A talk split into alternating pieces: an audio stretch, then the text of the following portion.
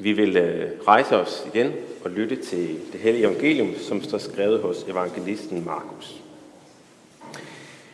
Jesus skal sig igen til at undervise nede ved søen, og en meget stor skare flokkes om ham, så han måtte gå ombord og sætte sig i en båd ude på søen, mens hele skaren stod på bredden inde på land. Og han lærte dem meget i lignelser, og i sin undervisning sagde han til dem, Hør her, en sædemand gik ud for så. Og da han såede, faldt noget på vejen, og fuglene kom og åd det op.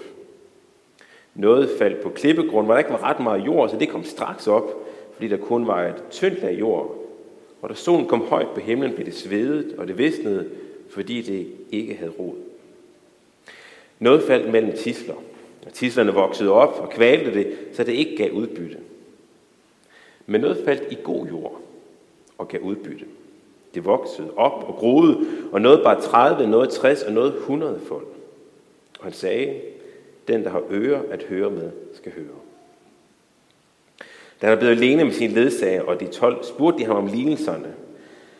Og han svarede dem, til jer, til jer er Guds riges hemmelighed givet, men til dem udenfor kommer alle lignelser, for at de skal se og se, men intet forstå.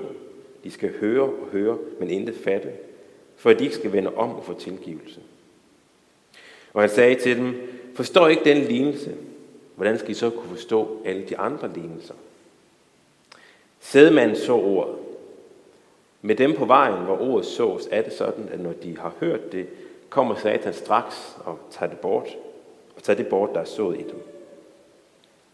De, der bliver sået på klippegrund, er dem, der straks tager imod ordet med glæde, når de har hørt det, men de har ikke rod i sig.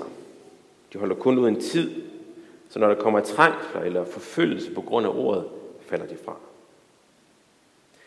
Andre er dem, der bliver sået mellem tislerne. Det er dem, der har hørt ordet.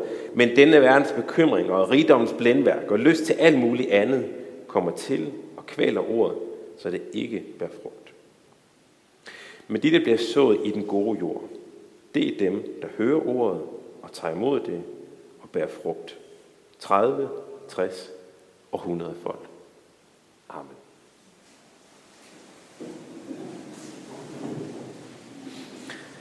Lad os bede kort sammen.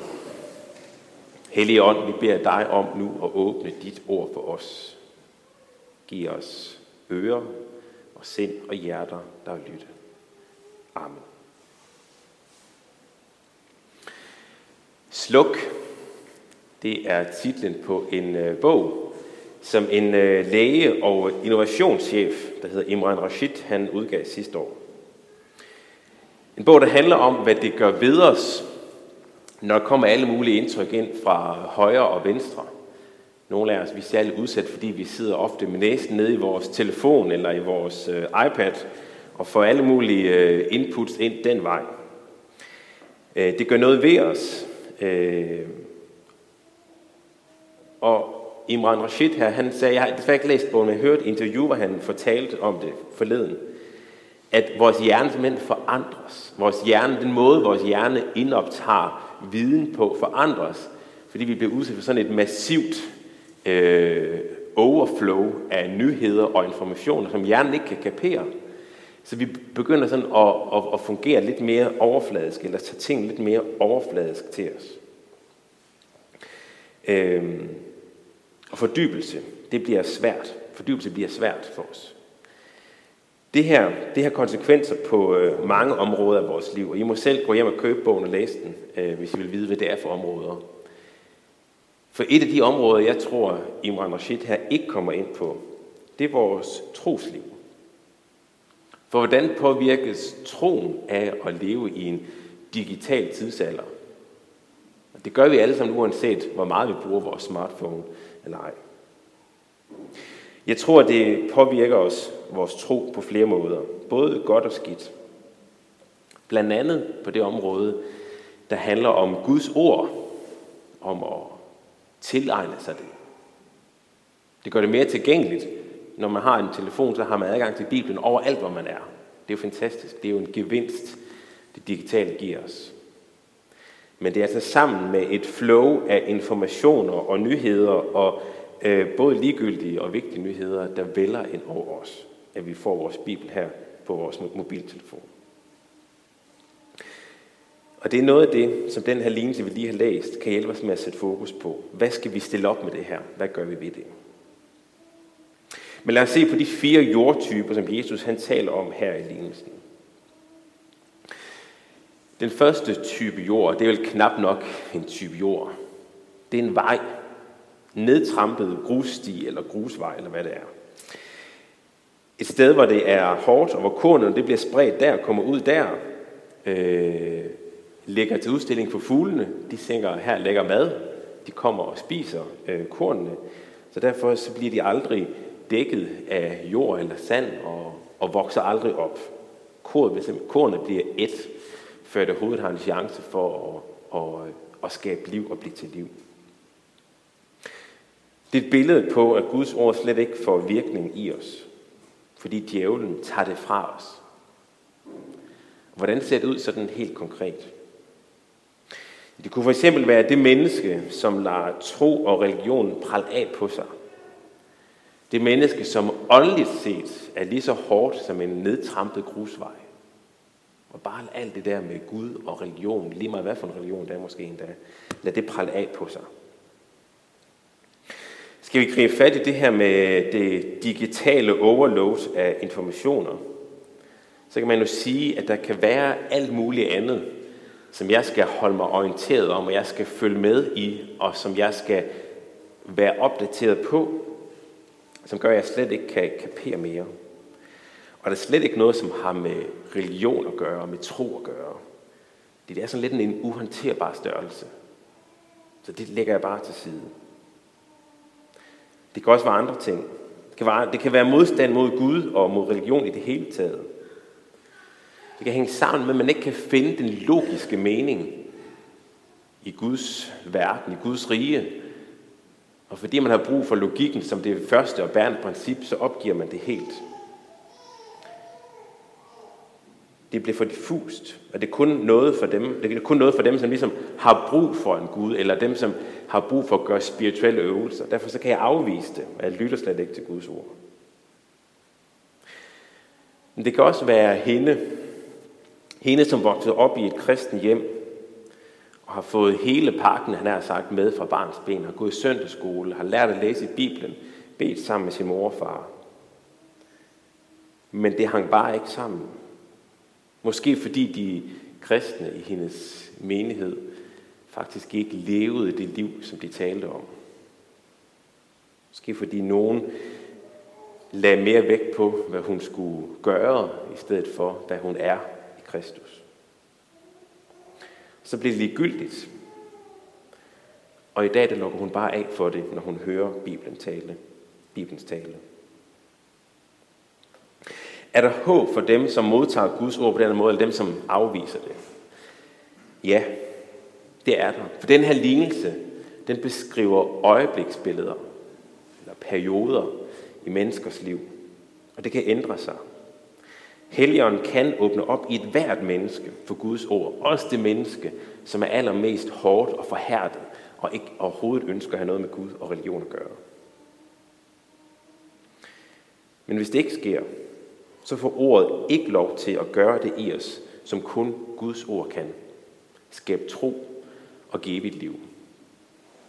Og skaber ordet ikke det, så bliver man forhærdet og må vente en evighed uden Gud.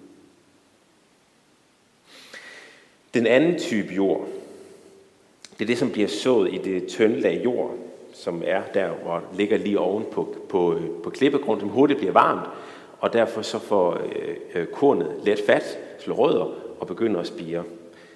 Men der er ikke basis for at slå dybe rødder, så når det bliver for varmt, så, øh, så bliver planterne svedet. Det minder mig om en fyr, der hedder Rory fra England. Jeg mødte ham på en øh, konference, som ironisk nok kan man næsten sige, handlede om mission. Rory her, han var blevet kristen øh, for få år siden. Han kom ellers fra en familie, hvor at tro øh, overhovedet ikke spillede en, øh, en rolle i hverdagen og i hans opvækst. Så det var, det var dejligt at møde sådan en, en fyr, som sådan virkelig var, altså han var meget entusiastisk i sin tro, og var, altså var virkelig glad. Altså, øh, Og sådan hørte hans historie, så, så lød det til, at det var blevet en frihed for ham. En frihed for ham at blive kristen og møde Jesus.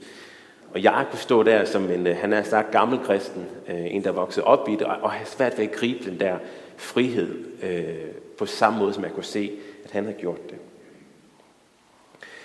Rory, der, han sad i faktisk i pauserne på den her konference, hvor vi var, og, og læste i Bibelen. Altså mellem bibeltimerne sad han og læste sin egen Bibel. Det synes jeg var, det synes jeg var flot. Øh, vi har kontakt med hinanden efter konferencen her var slut. Faktisk var han også i Danmark et par gange, fordi han fik en dansk kæreste, som han mødte på den bibelskole, han tog på bagefter. Øh, og, og, og, og det var rigtig, det var rigtig hyggeligt at, øh, at lære Rory her at kende. Efterhånden så gled kontakten ud. Forholdet med hende her danskeren gik også over, så han kom ikke til Danmark længere, og sådan, så det gled sådan ud. Så for et års tid siden, der fik jeg kontakt til ham igen. Og der fortæller han, at han har droppet kristendommen igen. Det var blevet for meget for ham på en eller anden måde. Han følte faktisk, at han havde spildt nogle år af sit liv, mens han havde været kristen. Havde ordet ikke slået rod i Rory? Nej, det tror jeg faktisk ikke, det havde. Eller rettere sagt, ordets indhold, evangeliet om Kristus, og hvad han har gjort for os alle sammen, inklusiv Rory, det havde ikke slået rod i ham. Det havde i hvert fald ikke fået lov til at slå så dybe rødder, at det også kunne bære, når der kommer andre ting ind og forstyrrer. Sagen er den, at det handler ikke om, at Guds ord skal slå rødder, så vi husker det med vores hoveder, eller forstår det med vores hoveder. Det er i hvert fald ikke nok i længden. Det indholdet, altså det, at Jesus vil frelse os, kan frelse os, at Jesus giver os sig selv. Indholdet i ordet. Det er det, som skal slå rod af i os. Derfor så handler det heller ikke om, at man skal tage sig sammen og læse noget mere i Bibelen for at blive i troen. Som om man bliver frelst af at læse Bibelen. Det handler om, at når Guds ord slår rod i os, når evangeliet bliver til liv for os, så bliver det stærkere end den modgang, vi kan møde, eller den modstand, der kan være i os selv på ordet. Vi kan også sige det på den måde, at hvis ordet slår rod i dybden i os, så gør det også, så påvirker det os mere, gør det os stærke nok til at stå fast, når modgang eller udfordring på vores tro møder os. Så er der den tredje type jord. Det er der, hvor tislerne bor. Jeg tror, det er her, den største udfordring er for mange af os i dag. I hvert fald os, som kommer til gudstjeneste fast og en del af kristen fællesskab. Det her med, at bekymringer, penge, stræben efter alt muligt andet, travlhed, det står vejen for, at ordet får lov til at gøre det i os, som ordet kan. Det står vejen for, at vi lærer Gud at kende som den, han er. I en undersøgelse om bibelbrug, som øh, Bibelsring, som jeg arbejder for, skal sige lidt om senere. Øh, en undersøgelse, vi lavede sammen med nogle andre organisationer i 2016. Der var der 32 procent af dem, der svarede, som gav den øh, besvarelse, eller den grund til, at de læste mindre i Bibelen i dag end for to år siden. Det var på grund af deres arbejde, eller fordi de havde fået børn. Nu er arbejde og børn ikke dårligt i sig selv, skal vi lige understrege her. Men det kræver en bevidst prioritering i et hvert liv at få tid med Gud. Det er meget få af os, for hvem det bare kommer af sig selv. Det er andre ting, der sætter dagsordenen for vores hverdag og vores liv. Og særligt her, når vi taler om tislerne, kan det her med det digitaliserede liv blive vigtigt og relevant at forholde sig til. Og det er ikke fordi, jeg er ude på at sige, at vi skal smide smartphones ud. Jeg står selv her med en iPad og er noget så digitaliseret. Men jeg er overbevist, jeg tror, jeg er overbevist om, at vi må være bevidste her. Os, som er særligt udsatte for det. Jeg har for eksempel selv måtte stands op og spørge, Hvorfor er det, jeg pludselig har så svært ved at koncentrere mig om at læse en helsidesartikel i en avis? Det har jeg så tit gjort, men nu bliver jeg sådan lidt, åh, det bliver kedeligt allerede i anden spalte, og der er altså 10 spalter endnu. Hvad, hvordan kan det være? Hvor kommer den her uro fra?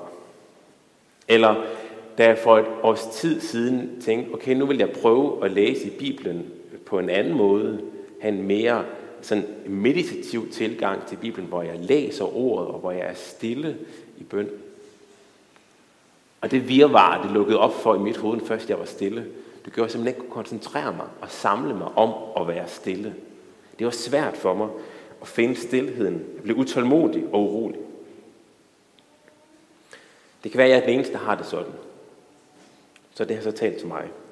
Men hvis der er andre af jer, der også har det sådan, så kan det være, at der er en sammenhæng her fra vores mobiltelefon til vores manglende evne til at fokusere og blive stille. I den undersøgelse, jeg nævnte lige før, øh, der var, øh, spurgte vi, hvad det var, der hindrede folk i at læse Bibelen. Og top 3, den lød sådan her. For det første, så var det svært at gøre det til en god vane. Altså at finde tid til det i hverdagen. To, var det svært til at finde tid til det sådan generelt. For det tredje var det svært at koncentrere sig om det. Tid, prioritering og koncentration. Og jeg tror, at det her kan blive tisler, som kvæler eller i bedste fald hæmmer vores åndelige vækst. Og ikke nok med, at tislerne kan ødelægge det for os. Samtidig kan også bare det at tale om tislerne være ødelæggende i sig selv. For den der dårlige samvittighed, som let kommer ind over os, når vi taler om de her ting, og flere af jer sidder nu og tænker, ja, jeg skal også til at gøre det bedre. Altså fra i morgen af, der skal jeg bare prioritere tid på at læse øh, i min bibel med Gud. Den der dårlige samvittighed, den kan i et kort øjeblik motivere os, men på den lange bane tager den energien ud af alt øh, åndeligt liv. Og det kan ende med, at vi til sidst opgiver nogensinde at få skabt basis for Guds ord. Det kan tale til os. Derfor så er pointen ikke her, at vi skal blive mismodige. Pointen er, når vi hører om tislerne, at vi tager ansvar og forholder os til, hvor er det tislerne er i vores liv. Hvilke tisler er der i mit liv, som står i vejen for, at Guds ord kan vokse i mig, kan gøre sin gerning i mig, at troen på Gud kan vokse i mig. Du ved selv, hvad det kan være. Og det kan også være, at det er ting, der er svære at arbejde med, eller kræver en indsats. Tisler, de her lange rødder, og de spreder sig lidt. Derfor så kræver det samtidig, at vi gør en større indsats, for at Guds ord ikke bliver kvalt i det liv, vi lever. Så er der den fjerde jordtype, den gode jord. Jesus han siger ikke så meget om, hvordan, hvordan den gode jord er. Han er ikke særlig konkret på det her, udover at han siger, at det er jord, som bærer frugt. Nu er jord forskellig. Øh, jeg er vokset op på en gård i Vestjylland, øh, og der var jorden ret sandet. Og øh, når min øh, morbror, som var landmand på Fyn, kom på besøg, så jeg forstår simpelthen ikke, at I kan dyrke noget af det her elendige jord. Øh, den fynske muld er kendt for at være fantastisk landbrugsjord. Øh, og han, han forstod simpelthen ikke, at det kunne lade sig gøre, at min far nogensinde fik noget korn eller roer til at vokse på de her marker, som han havde. Men det lykkedes faktisk. Og det gjorde det, fordi min far behandlede jorden efter, hvad den havde brug for. Han gav den gødning og kalk og vandede, når der var brug for det. Vi er også forskellige, når det kommer til, hvordan Guds ord det kan blive til tro og liv for os og i os. Selvom ordet er det samme, og selvom Gud er den samme, så er der heldigvis plads til, at vi er forskellige. Nogle af os, vi er glade for at kunne øh, dele vores tro og dele talen om Guds ord med, med andre mennesker. Være en del af et kristent fællesskab, hvor vi taler, taler om tingene og vender det med hinanden. For os er det vigtigt at have fællesskaber, hvor troen bliver sat på dagsordenen, og hvor Bibelen bliver åbnet op, og vi læser den sammen og taler om den. Andre kan få øjnene op for Guds ords storhed og forstå nogle af dybderne i det ved at være i naturen, eller ved at se på flot kunst, eller læse dygtig øh, skrevet øh, litteratur. Andre igen kan lide at blive udfordret og forstår bedst evangeliet ved at se det levet ud i handling. Det er først der, det grundfælder sig, rodfæster sig i dem. De har brug for at, at prøve det af, praktisere det, og så blive udfordret på at gøre det. Blive udfordret på at omsætte ordet til handlinger og liv. Og nogen elsker at sidde og læse og gruble over Bibelens budskab og bliver opbygget af det. Og sådan er vi forskellige. Og det er der plads til. Der er bare ikke noget af det her, der betyder, at vi ikke har brug for at læse eller lytte til Bibelens ord. Men måden, vi gør det på, kan være forskellige. Og det er måske den vigtigste opgave for dig i dag. Det er at overveje, hvordan Guds ord bedst bliver omsat til tro og liv for dig.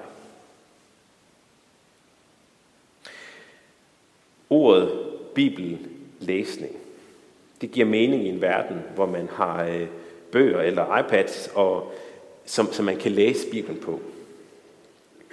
Men det er jo kun siden i gang i middelalderen, vi har haft det, ikke iPads, men bøger, vi kunne læse Bibelen fra. Før det har Bibelen været noget, der er blevet læst op, noget man har lyttet til. Det er blevet læst op i kirkerne, på Jesu tid i synagogen, og man har lyttet og talt om det. Det har været en, en, øh, en fællesskabsbeskæftigelse. Derfor så tænker jeg, at samtidig så er det mere præcist at tale om bibelbrug, i stedet for bibellæsning. Bibelbrug. Vi kan bruge Bibelen på forskellige måder. Både når vi skal tilegne os den, men også når vi så skal omsætte det til noget. Bibelen skal bruges.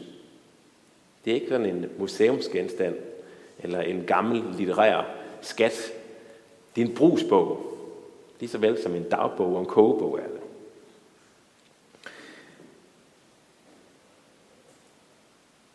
Og når det bliver en brugsbog, når det bliver noget, der taler tro til os, noget, der viser os, hvordan vi skal leve liv efter følgelse af Kristus.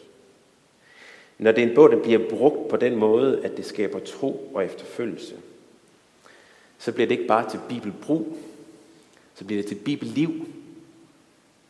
Det her liv, som er i det lille frø, der slår rod og vokser op til en plante. Det er nemlig den frugt, som den gode jord den bærer. Frugten, som er 30, 60 eller 100 folk, det er, når Guds ord bliver til tro for os, og det leder os til et liv, hvor vi følger Jesus i tro. Den her frugt, den kan vokse, når den, øh, når den får noget at leve af. Den kan vokse, så det bliver til et helt liv, hvor evangeliet sætter dagsordenen for os. For eksempel ved, at børnene i vores familier kan se, at det her med troen på Gud, det er et levet liv. At Bibelen ikke bare er noget, der ligger på natbordet, men det er noget, der er i de voksnes hjerter. Så er det blevet til liv. Eller når vores kollegaer og naboer opdager, at vi er fyldt af noget, som er større end os selv, og vi dermed også er større, vi kan være i os selv. Når det sker, så kan Guds ord blive spredt til andre.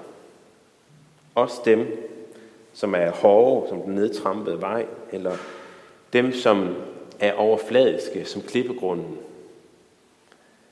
Eller det kan blive spredt mellem tislerne. For selv i dårlig jord, der kan Guds ord slå rod, og Helligånden kan gøre det til god jord. Til sidst. Guds ord, det vil os noget. Og når vi læser og tilegner os det, og forstår det som evangeliet, som historien om Jesus, beretningen om, hvad han vil os, og hvad han har gjort for os, og gør for os og i os nu, så er det mere end bare ord. Så bliver det til liv. Men der er meget, der kan forhindre os i det. Forhindre os i, at Guds ord slår rod i os.